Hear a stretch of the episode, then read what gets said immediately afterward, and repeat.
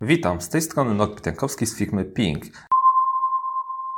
I zapraszam do pierwszego podcastu w Polsce o testowaniu oprogramowania. Witam wszystkich dzisiaj z siedziby IT Kontraktu w Warszawie. Moim gościem jest Paulina Pluta, która zajmuje się na co dzień rekrutacją kilka słów. Mhm. E, więc tak, faktycznie zajmuję się e, rekrutacją, natomiast głównie rekrutacją IT, tak naprawdę od, od trzech lat, e, czyli od początku mojej kariery. E, weszłam, weszłam na rynek outsourcingu IT e, i, i to jest coś, w czym obecnie się e, specjalizuję, czyli faktycznie te profile, które do tej pory rekrutowałam, były ściśle związane z, z IT. Głównie są to takie software'owe stanowiska i też można powiedzieć bardziej menedżerskie czy ko koordynatorów, ale to faktycznie jest głównie, głównie IT. Mhm. Czy ciężko rekrutuje się osoby z tak zwanej branży IT? Nie jest to łatwy kawałek chleba, zdecydowanie. E, tym bardziej, że jest bardzo duża konkurencja. Coraz więcej firm otwiera się na rynku polskim, mam tu na myśli firmy zagraniczne IT, e, które próbują pozyskać e, pracowników. W związku z tym jakby powstaje coraz więcej firm rekrutacyjnych, firm outsourcingowych które ściśle się specjalizują właśnie w IT, więc jest to, jest duża konkurencyjność. Trzeba się wyróżniać, trzeba się wybijać na, na, na rynku. No i jest też to pozyskiwanie kandydatów e, raczej pasywnych. Jakby tutaj publikowanie ogłoszeń to jest, mam czasami wrażenie, bardziej takie działanie employer brandingowe, Natomiast pozyskanie kandydata to jest raczej już takie bezpośrednie kontaktowanie się z wybranymi e, osobami. Więc nie, nie, jest to, nie jest to łatwe, łatwe zajęcie. Trzeba się tutaj napracować. Rozumiem. E, ze względu na to, że to jest podcast o testowaniu, testingu, skupimy się dzisiaj trochę bardziej w kierunku mhm. właśnie testerów. I chciałem się dowiedzieć, czy rynek testerów w Warszawie, powiedzmy, już jest jakby nasycony, czy właśnie jest na odwrót? Zdecydowanie nie jest, e, nie, nie mogłabym powiedzieć, że jest to nasycony, nasycony rynek. E, wciąż powstają nowe e, projekty, nowe zapytania na testerów, więc jakby jest to część, duża część mojej pracy, takiej codziennej, szukanie testerów. Szczególnie przy, przy nowych projektach, chociaż też zdarzają się oczywiście zapotrzebowania do już istniejących projektów. Myślę też, że w ogóle rola testera w, w świecie software'owym, w życiu, w cyklu życiu oprogramowania się zwiększa. Coraz częściej mamy do czynienia z rekrutacją testera e, do zespołu deweloperskiego i taki tester wtedy raportuje raczej do project managera, do, do mm, development managera. E, coraz rzadziej istnieją takie organizacje, gdzie jest zespół dedykowany, jakby jeden duży zespół testerski i ten zespół testuje wiele różnych aplikacji jednocześnie. Raczej to idzie w stronę takiego, um, takiej specjalizacji, można powiedzieć trochę agile'owej, gdzie mamy te cross-funkcjonalne teamy, i do takich cross-funkcjonalnych teamów szukamy tych testerów, którzy są już taką częścią, częścią zespołu deweloperskiego, a nie częścią gdzieś tam pobocznego zespołu testerskiego, który jest odpowiedzialny w całej firmie za, za wykonywanie testów. Już wiemy, że rynek jeszcze czeka na nowe osoby, które by chciały, nie wiem, choćby zmienić zawód. Mhm. Natomiast jak ja zaczynałem jakieś tam 10 lat temu, to było łatwo, bo na manualnych to po prostu było takie zapotrzebowanie, że jak ktoś wiedział, co to jest komputer i trochę angielskiego, to już wystarczyło. Ewentualnie jakiś mały test na spostrzegawczość głównie. Mhm. Natomiast teraz jak to wygląda? Czy nadal jest taki, tak, że ten tester nie musi mieć jakiegokolwiek skilla, czy bardziej już coś tam musi więcej technicznie? Mhm. Z perspektywy mojej e, rekrutera w, w outsourcingu e, zdecydowanie mogę powiedzieć, że jednak szukamy osób z kompetencjami. Ale to wynika z, z faktu współpracy z firmami, które, które gdzieś tam do nas zgłaszają się z zapotrzebowaniem I z, te, z, tego, że cięż, ciężej jest im znaleźć po prostu takich doświadczonych testerów. Natomiast testerzy manualni myślę, że mają większe, mm, tacy początkujący testerzy manualni, mają większe szanse na znalezienie pracy już bezpośrednio w tej firmie do, docelowej. A jednak outsourcing bardziej się skupia już na takich wyspecjalizowanych e, osobach. Takie, takie osoby, które dopiero gdzieś się zaczynają, mają większe szanse właśnie poprzez takie be, bezpośrednią współpracę już z, z docelową firmą, czy technologiczną, czy, czy ogólnie jakąś konsultingową, ale już tak bezpośrednio, bezpośrednio z nimi. Więc mi się rzadko zdarzają takie juniorskie profile, aczkolwiek się zdarzają. Więc ja uważam osobiście, że jest duże zapotrzebowanie na testerów, ale jest też duża konkurencja, jeśli chodzi o juniorów. Um, jakby widać duży trend e, takiego przekwalifikowywania się na stanowisko testera z różnych e, stanowisk pierwotnych. Um, nawet, nawet często rekruterzy zaczynają iść tą ścieżkę, rekruterzy IT. E, więc naprawdę na rynku jest całkiem sporo osób, które zaczynają swoją pracę, więc na pewno jest tutaj duża konkurencja, ale też, też duże zapotrzebowanie, moim zdaniem. Kilka lat temu pojawiła się taka wielka fala i zapotrzebowanie też na testerów automatycznych.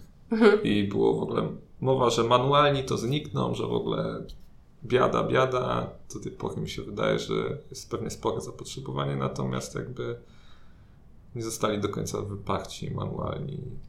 E, nie, testerzy manualni nie zostali wyparci. E, owszem, na, na automatycznych testerów jest całkiem spore zapotrzebowanie, ale jakbym miała określić, e, jak duży procent stanowisk, nad którymi pracuję, to są testerzy manualni, jak duży to jest testerzy automatyczni, to myślę, że to by było tak mniej więcej pół na pół. No tak, można tak powiedzieć, że raczej pół na pół. Testerzy manualni e, czy automatyczni, e, chociaż też e, ostatnio słyszałam o, o błędnej kategoryzacji na testerów manualnych i automatycznych, że jest to pewne uproszczenie. Ale jakby chyba łatwiej nam będzie rozmawiać tak, właśnie w ten sposób. Więc myślę, że testerzy manualni nigdy nie zostaną wyparci z rynku. Podejrzewam, że testy automatyczne owszem pokrywają dużą część wykonywanych testów, ale nic nie zastąpi też takiej osoby, która będzie naprawdę z punktu, z perspektywy użytkownika e, potrafiła, potrafiła testować um. I więc trend na testerów automatycznych jak najbardziej jest. Ostatnio e, zaczęliśmy też zauważać, że jest taki spory odzew ze strony naszych klientów pod kątem testerów, którzy automatyzują testy aplikacji mobilnych. Gdzie wcześniej raczej to były aplikacje webowe, mhm. natomiast teraz te aplikacje mobilne wkraczają, e, znaczy no już dawno wkroczyły na rynek, ale dopiero teraz jakby pracodawcy uświadomili chyba sobie, że jednak te, te pokrycie testów e, mobilnych jest bardzo, bardzo potrzebne. Tak, rozumiem. Czyli obaliliśmy jeden mit, który gdzieś tam krążył w półświadku IT, że tak powiem.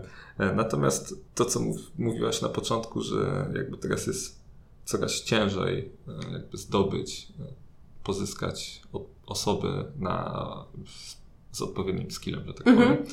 Jak się teraz zachęca osoby do tego, żeby przeszły z jednej firmy do drugiej? Mhm. Jak się zachęca? Mogę mówić e, o tym, co jest popularne na rynku, mogę też mówić o tym, jak my tutaj do tego podchodzimy. Myślę, że najrozsądniejszym e, jest takie podejście indywidualne i słuchanie potrzeb e, kandydata.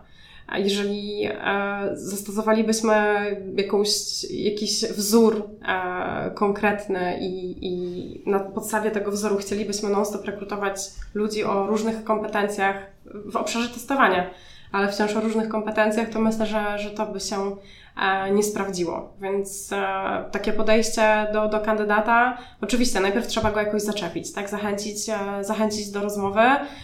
To, co się najbardziej sprawdza, to konkretne informacje. Raczej takie dodatkowe benefity. Owszem, to są wciąż benefity, ale to nie jest coś, co sprawi, że, że kandydat będzie chciał zmienić swoją pracę raczej konkretny projekt, możliwość nauczenia się czegoś, e, czegoś nowego. Szczególnie jest e, bardzo atrakcyjny, myślę, dla kandydatów, którzy są testerami manualnymi, gdzieś próbują wejść w automatyzację, właśnie takie oferty, które, które dadzą im możliwość zdobycia pierwszego doświadczenia takiego komercyjnego. Wciąż będą jakby testować oczywiście ma manualnie, ale te, te testy automatyczne będą się pojawiały, więc to jest chyba naj, takim najszczęśliwszym scenariuszem, e, że tak powiem. Ale konkrety, konkretne informacje, oczywiście wynagrodzenie to też jest coś, co, co jest istotnym czynnikiem przy zmianie pracy. I sama atmosfera w pracy, sama firma, jakby prestiż firmy też jest chyba dość istotny. Jedna rzecz, tak jak taką, nie wiem, dość dużo osób jakby chciało mieć w kontrakcie, czyli święty graal, czyli pracę zdalną. Mhm. Jak to jest z tym na rynku? Mhm. Faktycznie praca zdalna jest czymś teraz bardzo pożądanym. Ze strony kandydatów bardzo często słyszymy o tym, jako o takim beneficie, który gra dużą rolę. jakby jest tym kryterium, które dość sporo waży przy, przy podejmowaniu pracy. Natomiast ze strony naszych klientów, powiedzmy, czyli z tych osób, które zgłaszają zapotrzebowanie, nie jest to aż tak e, popularne. Jeżeli chodzi o pracę zdalną w, przy stanowiskach akurat testerskich, Często słyszymy takie argumenty, kiedy rozmawiamy z klientami, jakby to nie jest tak, my, my z nimi staramy się prowadzić dialog z firmami, z którymi współpracujemy, informować ich o tym, jakie są chęci czy, czy też oczekiwania ze strony, ze strony kandydatów. I próbujemy rozmawiać, to częstymi argumentami na rzecz mm, jak, jak najmniejszej pracy zdalnej na stanowisku testera jest to, że często teraz tester pracuje na pograniczu trochę technologii i, i, i biznesu, jednak jest w tym kontakcie z, z na przykład z użytkownikami końcowymi, jeżeli mówimy o jakiejś firmie um, software'owej. Taka obecność na miejscu pracy jest bardziej jakby wartościowa z, z perspektywy pracodawcy, więc przy testerach myślę, że to się pojawia troszkę rzadziej niż na przykład przy programistach. Jeszcze, jeszcze um, świat testerów e, nie, nie, doczekał się chyba takiego boomu właśnie na pracę zdalną, aczkolwiek e, jest coś takiego. To, to nie jest mit. Są, są firmy, które oferują 100% pracy zdalnej e, na stanowisku testerskim, aczkolwiek też słyszałam czasami głosy od kandydatów, że nie było to zbyt fajne, bo oni już jakby nie mieli wyboru, musieli pracować z domu, nie, nie było dla nich miejsca pracy stricte w siedzibie um, pracodawcy. Utrudniało mi to pracę, utrudniało mi to kontakt z, z, z deweloperami, z innymi testerami. Pojawia się ta praca, pojawiają się oferty ze 100% pracy zdalnej, ale jest to bardzo mały jeszcze taki wycinek tych ofert, które mamy teraz dostępnych na rynku. Najczęstszym takim modelem, wydaje mi się, jest e, przypuśćmy jeden dzień pracy zdalnej w tygodniu. Mhm. To jest coś, co się już zaczyna gdzieś tam, e, gdzieś tam pojawiać.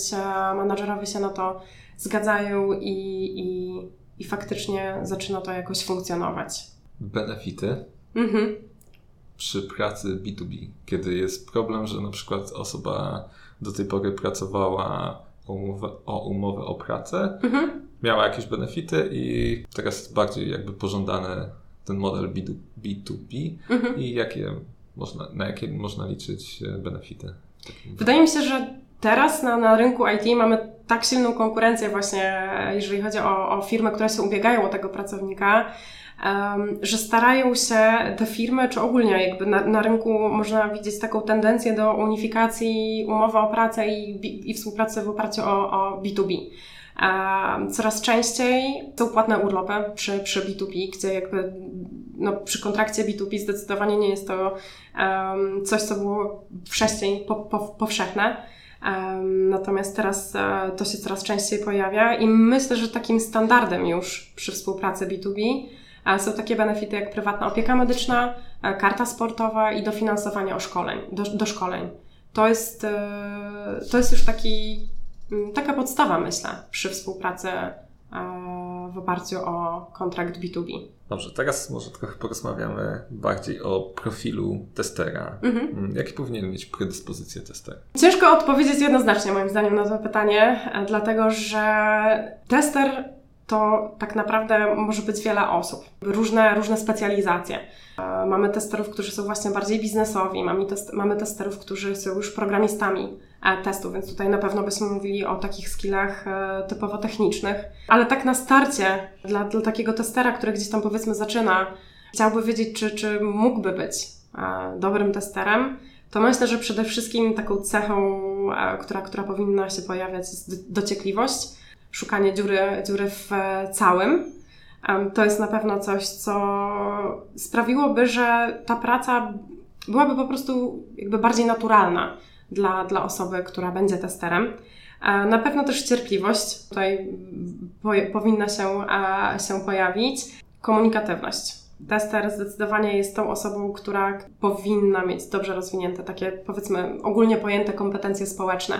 Potrafi się komunikować z innymi e, ludźmi, potrafi przedstawiać swój punkt widzenia, potrafi być asertywna przy tym i też jakby potrafi się wczuć w, w inną osobę albo jednak powiedzmy, gdyby, gdy jesteśmy na tym początku kariery testera i testujemy aplikację z takiego poziomu właśnie użytkownika, nie wiem, prowadzimy jakieś testy eksploracyjne, to trzeba wiedzieć, jak, jak dany użytkownik z danej domeny będzie, będzie wykorzystywał tą aplikację, czego on będzie robił, więc takie kompetencje mm, społeczne ogólnie rzecz ujmując, czyli właśnie taka komunikatywność, jakby rozumienie perspektywy drugiego człowieka są tutaj, myślę, kluczowe i pracowitość. Jeszcze chciałem się spytać, bo tak jak wcześniej wspominałaś, już jakby na juniorów jest e, mhm. mniejsze zapotrzebowanie, to jakie można by zrobić, jakie testek mógłby zrobić e, kursy, szkolenia, żeby być bardziej atrakcyjnym na rynku? Mhm. Jeżeli chodzi o kursy i szkolenia, które sprawią, że będzie bardziej atrakcyjne i też bardziej będzie się rzucał w oczy rekruterom, e, to mogłabym polecić takie kursy, które będą dotyczyły już takiej węższej specjalizacji, jeżeli chodzi o testowanie.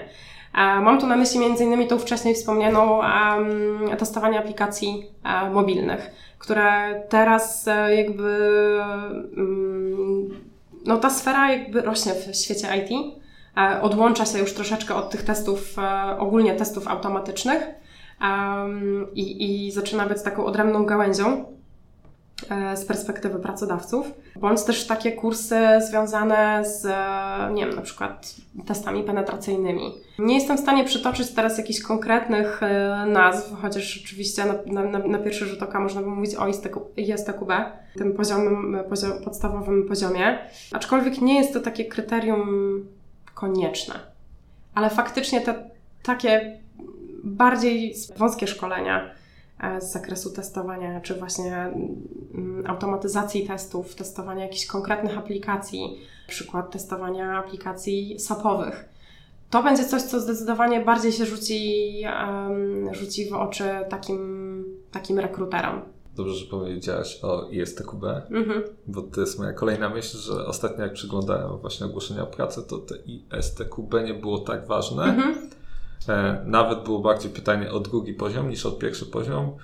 Z tego względu, że chyba większość firm dla testerów to te szkolenia jakby w pierwszym roku przynajmniej oferuje już jakby w pakiecie. Tak, tak, faktycznie ISTQB nie pojawia się już tak mocno jako kryterium e, wyboru, powiedzmy, kandydata, jak to było na przykład 3 lata temu, kiedy startowałam e, w, w świecie rekrutacji. Wtedy jeszcze zdarzało mi się usłyszeć od, od hiring managera, e, że CV kandydata jest bardzo atrakcyjne, ale kandydat nie posiada tego certyfikatu. Obecnie Wciąż to się pojawia jako wymaganie, ale nie jest to takie kryterium konieczne, nie jest to warunek konieczny, aby, aby kandydat był brany pod uwagę w procesie e, rekrutacji. Myślę też, że ogólnie jest spowodowane taką sytuacją, że na rynku jednak ta, powiedzmy, nomenklatura, czy, czy też e, słownictwo, nazewnictwo z ISTQB już funkcjonuje po prostu na, na rynku w firmach. E, używa się raczej ujednoliconego, że tak powiem,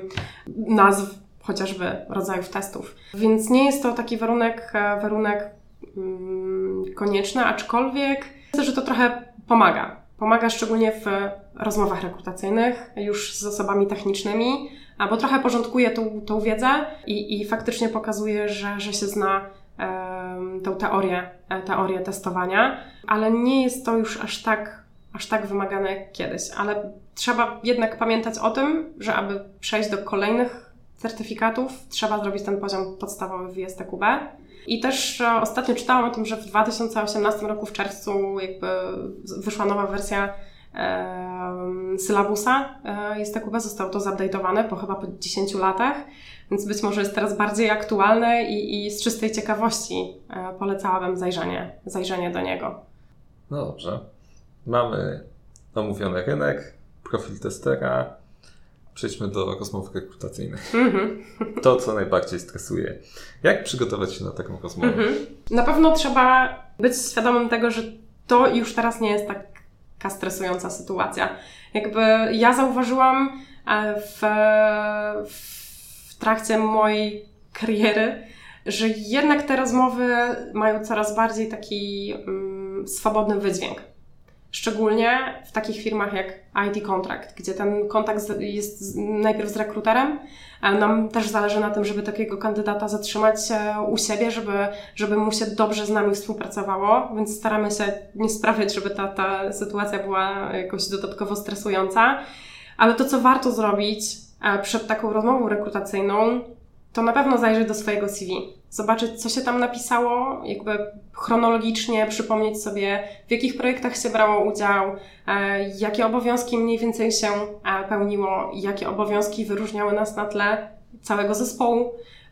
To są rzeczy, które jakby mm, warto przypomnieć, bo na pewno padną o to pytania, żeby gdzieś tam się nie, nie zamieszać, e, tak chronologicznie przejść sobie po swoim CV. Myślę, że to jest, to jest coś, co, co pomaga. Przygotować się na takie pytania dotyczące mm, sytuacji trudnych, w jaki sposób sobie z nimi poradziliśmy. Przytoczyć sobie takie dwa, dwa przykłady gdzieś w głowie przed rozmową, um, żeby, żeby to naturalnie wyszło w trakcie rozmowy. Też sukcesy e, na pewno warto sobie gdzieś tam poukładać w głowie, co, co się uważa za swój, za swój sukces, bo wiadomo, że sukces to jest e, jakby pojęcie subiektywne, tak? Dla mnie sukcesem może być coś, co ja zrobiłam tydzień temu, ale dla innej osoby to, to może być zwykłe, e, zwykłe zadanie do, do odhaczenia na liście.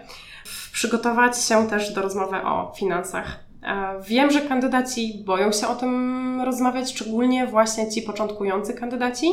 I ta obawa często wynika z przestrzelenia się w górę bądź w dół. Jeśli kandydat poda bardzo wysokie oczekiwania finansowe, to nigdy nie będzie od razu skreślony, e, tylko, tylko raczej będzie pytanie o to, czy jest możliwość negocjacji i z czego wynikają takie e, wysokie oczekiwania finansowe. Jeśli to będą oczekiwania finansowe, które będą poniżej tych widełek, jakimi rekruter dysponuje, to też raczej powie o tym, że, że możemy rozmawiać o wyższej kwocie. A jeśli nawet nie na tym etapie tego nie wspomni, chociaż myślę, że raczej to się nie zdarzy, to przy składaniu oferty już na pewno usłyszy tą większą, e, większą kwotę. Dlatego uważam, że, że warto jest się przygotować do tej rozmowy, bo na pewno takie pytanie padnie i, i rozmawianie o tym nie powinno być zbytnio stresujące z mojej perspektywy, bo tak jak mówię, zawsze można jakąś kwotę znegocjować a to nie jest tak, że, że kwota podana na pierwszej rozmowie rekrutacyjnej to już jest tą zapisaną w systemie i absolutnie nie do zmiany. Warto też zrobić sobie taki search wcześniej. jak to wygląda na rynku, jakie są stawki. Takie portale, portale jak NoFluff Jobs, Just Join IT czy Bulldog Job to są portale, na których mamy widełki finansowe przy każdym ogłoszeniu, więc można mniej więcej wpasować swoje umiejętności do tego, co jest w ogłoszeniu i, i zobaczyć, czy faktycznie jest to stawka, którą moglibyśmy moglibyśmy żądać. Bo w Polsce chyba jeszcze się nie przyjęło, żeby były stawki ogólnie dostępne. Tak. Chociaż to w świecie IT faktycznie zmierza ku temu, e, żeby, żeby były jawne.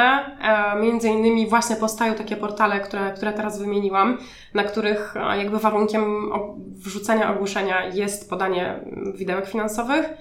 Facebook jest to kolejna, kolejna, kolejny portal, na którym te ogłoszenia pojawiają się z widełkami. Administratorzy tych stron e, czy tych grup facebookowych e, usuwają ogłoszenia, które nie posiadają e, widełek, więc to raczej zmienia ku tem, zmierza ku temu, um, aby te informacje były, były jawne, ale faktycznie nie jest to jeszcze aż tak, aż tak częste, szczególnie na przykład na pracuj.pl tam te, te, te widełki finansowe się tak nie pojawiają, bo nie jest to wymagane. E, moje ulubione pytania z rozmów rekrutacyjnych. Co Pana motywuje i dwa największe błędy? Mhm. Dwa największe błędy, jakie udało się znaleźć, czy na dwa największe błędy, jakie popełnił Chyba kandydat? popełnione. A to ciekawe pytanie. Eee, ja raczej nie miałam z nimi styczności. Chociaż faktycznie te znalezione też się, też się pojawiają. Mhm. Natomiast ja akurat się spotkałem z takimi typu dwie twoje największe, dwa twoje największe błędy i co cię motywuje i po prostu wokół tych pytań już są legendy i do powiedzenia i tak chciałem się spytać po prostu. E, przyznam szczerze, że e, takie, takie pytania zastanawiam się, co rekruter chciałby usłyszeć, jakby, a, bo zazwyczaj, kiedy pada pytanie, to rekruter już gdzieś tam w głowie sobie u, układa odpowiedź albo zadaje je w konkretnym celu. Nie mam, nie wiem, jaki jest cel tutaj. Nie do końca mogę to jakby wyczuć. E, być może to jest bardziej na takie zbadanie, czy faktycznie kandydat, powiedzmy, czy to testowanie jest taką jego pasją. Nie wiem, poradzenie sobie z trudnymi pytaniami, ciężką sytuacją i tym podobnym. Mhm. rozumiem. Mhm. Chociaż, no właśnie, i tutaj wracamy do tematu, że jednak teraz rekruterzy starają się, żeby ta, ta sytuacja, ta rozmowa rekrutacyjna nie stawiała kandydata w stresujących sytuacjach, bo w stresujących sytuacjach zachowujemy się troszkę mniej naturalnie. I jak się stresujemy, to, to, to ta relacja nie do końca się nawiązuje, a to, to nie jest fajne. Lepiej dobrze żyć z kandydatami i, i nie zadawać im pytań, które tak naprawdę nie za wiele wnoszą do rozmowy. Rozumiem. A jeszcze chciałem się spytać, e, kolejny ciekawy temat, też taki różnie przyjmowany, jest długość CV. Mhm, tak. Jedna strona czy więcej? Jedna strona CV e, w, przez rekruterów IT jest dość nielubiana, e, że tak powiem. Jakby to, to ta zasada zmieszczenia się na jednej stronie tutaj chyba nie jest do końca zasadna. My, jako, jakby, gdy- gdybym mówiła o tej grupie, którą prezentuję, czyli rekruterów IT, nie lubimy krótkich, e, krótkich CV, takich, które są sztucznie e, skurczone właśnie do, do rozmiaru jednej strony. A to wynika z faktu, że my lubimy wiedzieć, czym naprawdę kandydat się zajmował. Informacje odnośnie e, projektu, e, jakie w ogóle aplikacje e, były, były testowane, czy właśnie były to aplikacje webowe, czy mobilne. To jest jakby CV pozwala nam na taką szybką weryfikację tego, jakie, jakie oferty mogę składać kandydatowi, o jakich stanowiskach mogę z kandydatem rozmawiać. I myślę, że przy tworzeniu CV warto sobie pomyśleć o tym, że jest to taki punkt, jest to takie narzędzie e, do komunikacji z przyszłym swoim szefem. E, Czy to będzie, nie wiem, test lead, test manager. Więc e, trzeba sobie pomyśleć, co taki człowiek powinien o mnie wiedzieć, żeby chciał mnie zrekrutować, żeby chciał mnie w swoim zespole. Więc pisanie w CV, a to się często niestety zdarza, jednego zdania, testowanie software'u bądź testowanie aplikacji jest bardzo skromną informacją. Myślę, że jednak tester robi dużo więcej e, i powinien się tym po prostu pochwalić. Rozumiem. Natomiast jeszcze chciałem się dopisać, czy wzmianki w CV, w CV na temat jakichś dodatkowych działalności poza pracą, nie wiem, udzielanie się w, jakichś spotkaniach testerów, to jest w Warszawie, to jest Warszawka choćby. Mm, Czy to jest plus, minus, czy w ogóle nie jest zauważalne? To jest zdecydowanie duży plus.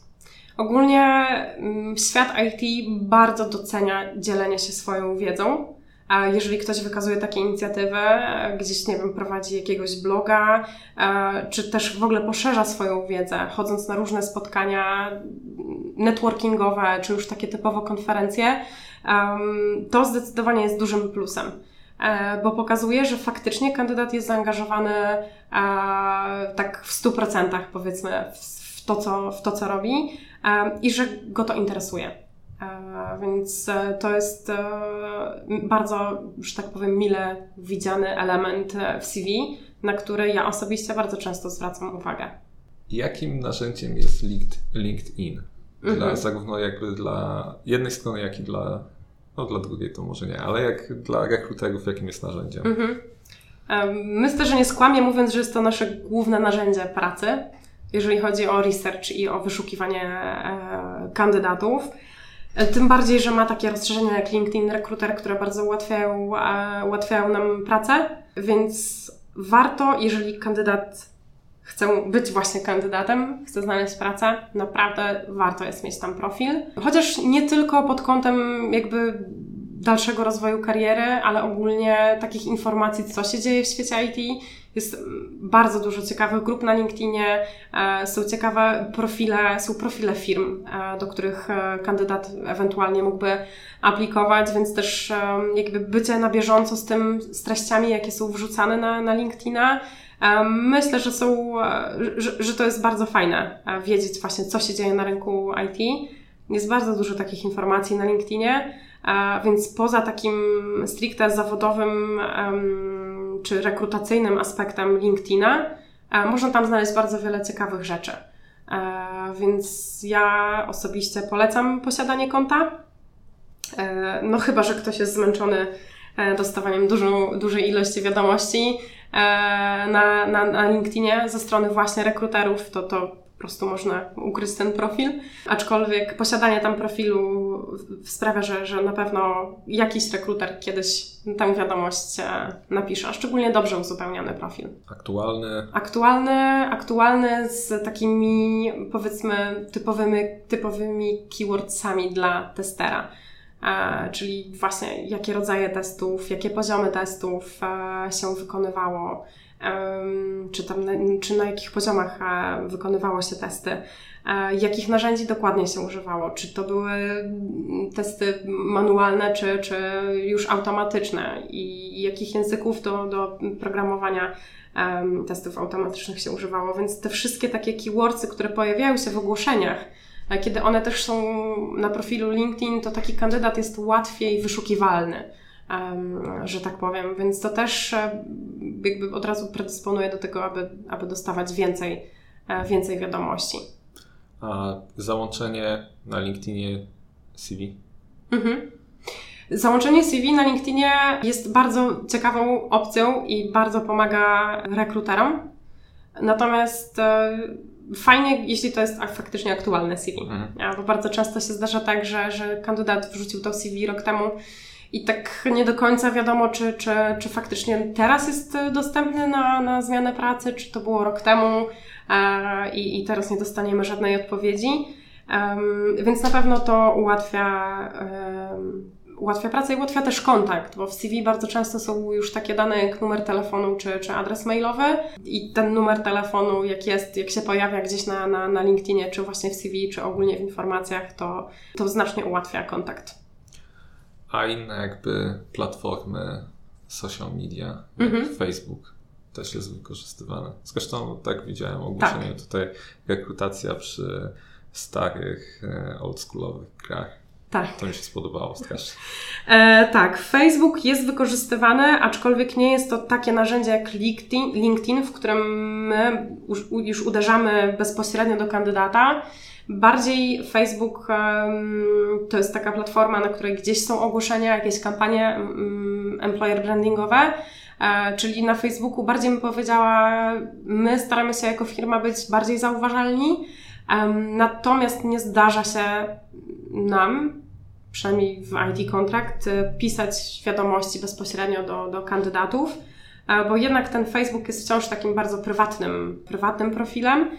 Więc tak jak mówię, nie jest to takie narzędzie, do, które nam służy do wyszukiwania kandydatów, ale oferty, ogłoszenia jak najbardziej pojawiają się na Facebookach, są dedykowane grupy na Facebooku, e, w których e, można wrzucać ogłoszenia, więc tam warto zaglądać, jeśli się e, czegoś, czegoś poszukuje.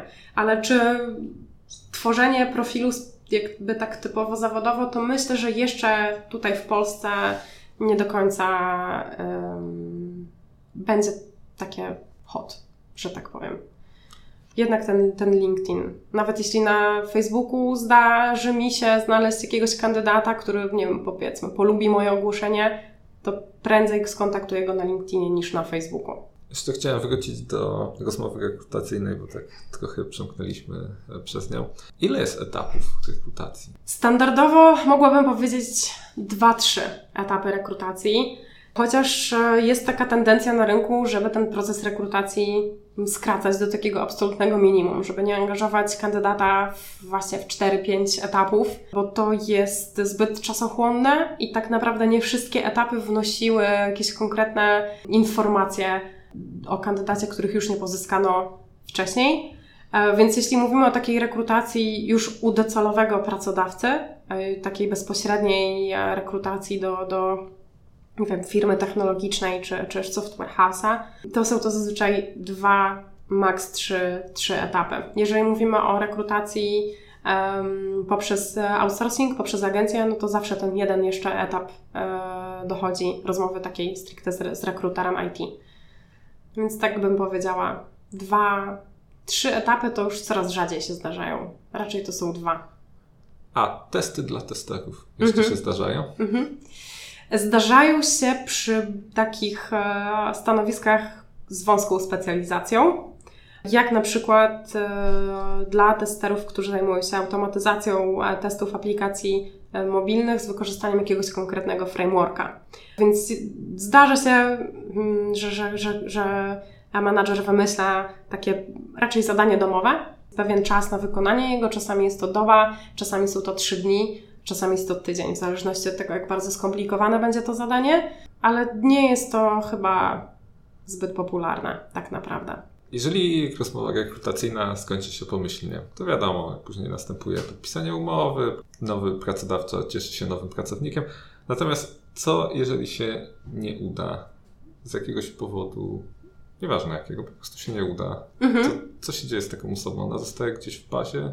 Tak, z reguły tak. Oczywiście, jeśli uzyskamy zgodę kandydata, wiadomo, RODO, RODO nas tutaj e, bardzo przeszkoliło w tym, jeśli uzyskamy zgodę kandydata na to, aby jego CV pozostało w naszej bazie, ono w naszej bazie jest i, i faktycznie zwiększa to prawdopodobieństwo tego, że do takiego kandydata wrócimy, kiedy pojawi się podobna oferta pracy, bądź jeszcze jakby bardziej zbliżona do, do profilu czy preferencji e, kandydata.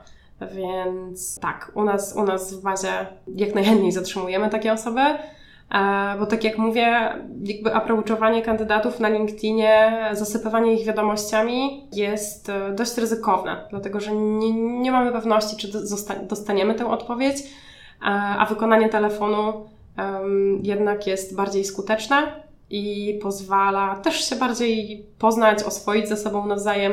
Więc kiedy mamy taki CV w, w bazie, to mamy też numer telefonu i możemy w 5 minut tak naprawdę E, opowiedzieć kandydatowi o, o projekcie i, i, zadać kluczowe pytanie, czy, czy jest zainteresowany. Podczas całej tej rozmowy nie wspomniałem ani słowa, ani nie zapytałem o język angielski, ze względu na to, że to jest jakby międzynarodowy język w świecie IT mhm. i minimum komunikatywne jest wymagane, a wyższe stanowisko wymagają wyższej jakby znajomości. Tak. I dlatego nie poruszaliśmy tego. Natomiast ja chciałem podziękować za tą rozmowę Tobie jak mhm. i również e, firmie IT Contract, która zgodziła się na tą rozmowę. Ja również bardzo dziękuję. Mam nadzieję, że moje odpowiedzi były satysfakcjonujące. Bardzo. No dobra, to dziękujemy i do usłyszenia. Do usłyszenia.